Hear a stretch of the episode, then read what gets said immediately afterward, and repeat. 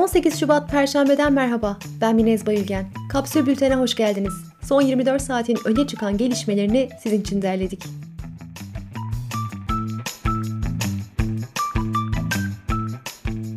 Medya Ombudsmanı Faruk Bildirici 4 hafta boyunca NTV, CNN Türk, Habertürk, Haber Global, A Haber, Halk TV, Tele1 ve KRT televizyonlarındaki tartışma programlarını izledi ve konuşmacıları kayıt altına aldı. 4 hafta boyunca tartışma programlarına en fazla çıkan isim Türk Medya Ankara temsilcisi Melik Yiğitel oldu.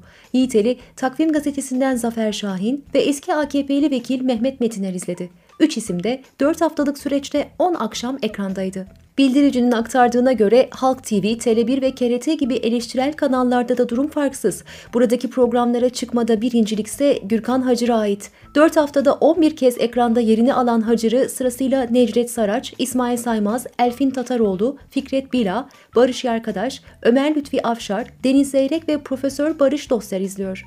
Cumhurbaşkanı Erdoğan kabine toplantısının ardından konuştu.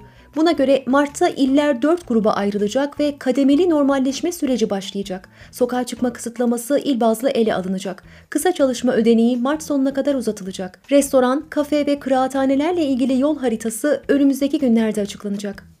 Cumhurbaşkanına hakaret suçundan hakkında soruşturma başlatılan Hollanda'daki aşırı sağcı Özgürlük Partisi lideri Geert Wilders açıklama yaptı. İfade özgürlüğü diktatör Erdoğan tarafından bilinmeyen bir kavram. Onu eleştirmeyin yoksa soruşturulur, yargılanırsınız. Google, Sherm adlı kitabın Kürtçe reklam başvurusunu reklam politikasını ihlal ettiği ve desteklenmeyen dil kategorisine girdiği gerekçesiyle reddetti. Google Translate servisinde ise Kürtçe dil seçeneği yer alıyor.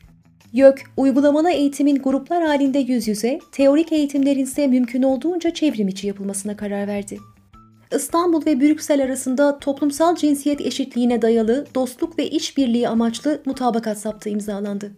2020 yılında İstanbul'a gelen yabancı turist sayısı %66 azalarak 5 milyona düştü. En çok turist Rusya ve Almanya'dan geldi. HDP'li Muazzez Orhan Işık, bebek maması ve devam sütlerindeki vergilerin kaldırılması hakkında kanun teklifi verdi.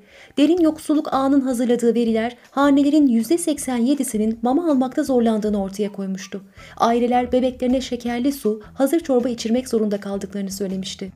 Kanal İstanbul projesinin önemli bir bölümünü kapsayan Arnavutköy'de ilçe hıfzı sığa meclisi hayvancılık yapan çiftçilere ahırlarını tahliye etmelerini tebliğ etti.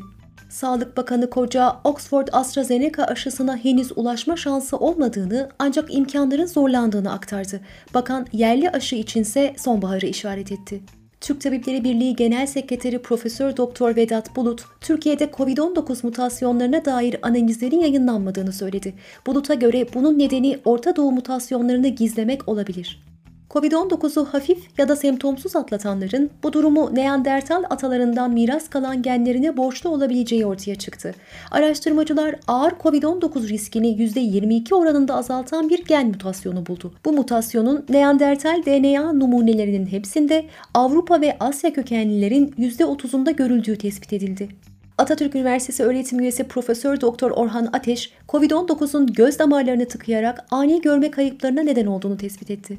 ABD'li düşünce kuruluşu Brookings Enstitüsü Türkiye-ABD ilişkileri üzerine bir rapor yayınladı. Raporda Batı ile bağların yeniden kurulmasında fayda sağlayacağına demokratik olarak seçilmiş bir Türk hükümeti karar verecek. O zamana kadar Washington'ın önündeki zorluk bunu görünür kılmak için yeterli baskıyı sürdürmek olacaktır ifadeleri kullanıldı. İtalya Başbakanı Draghi yeni hükümet programını parlamentoya sundu.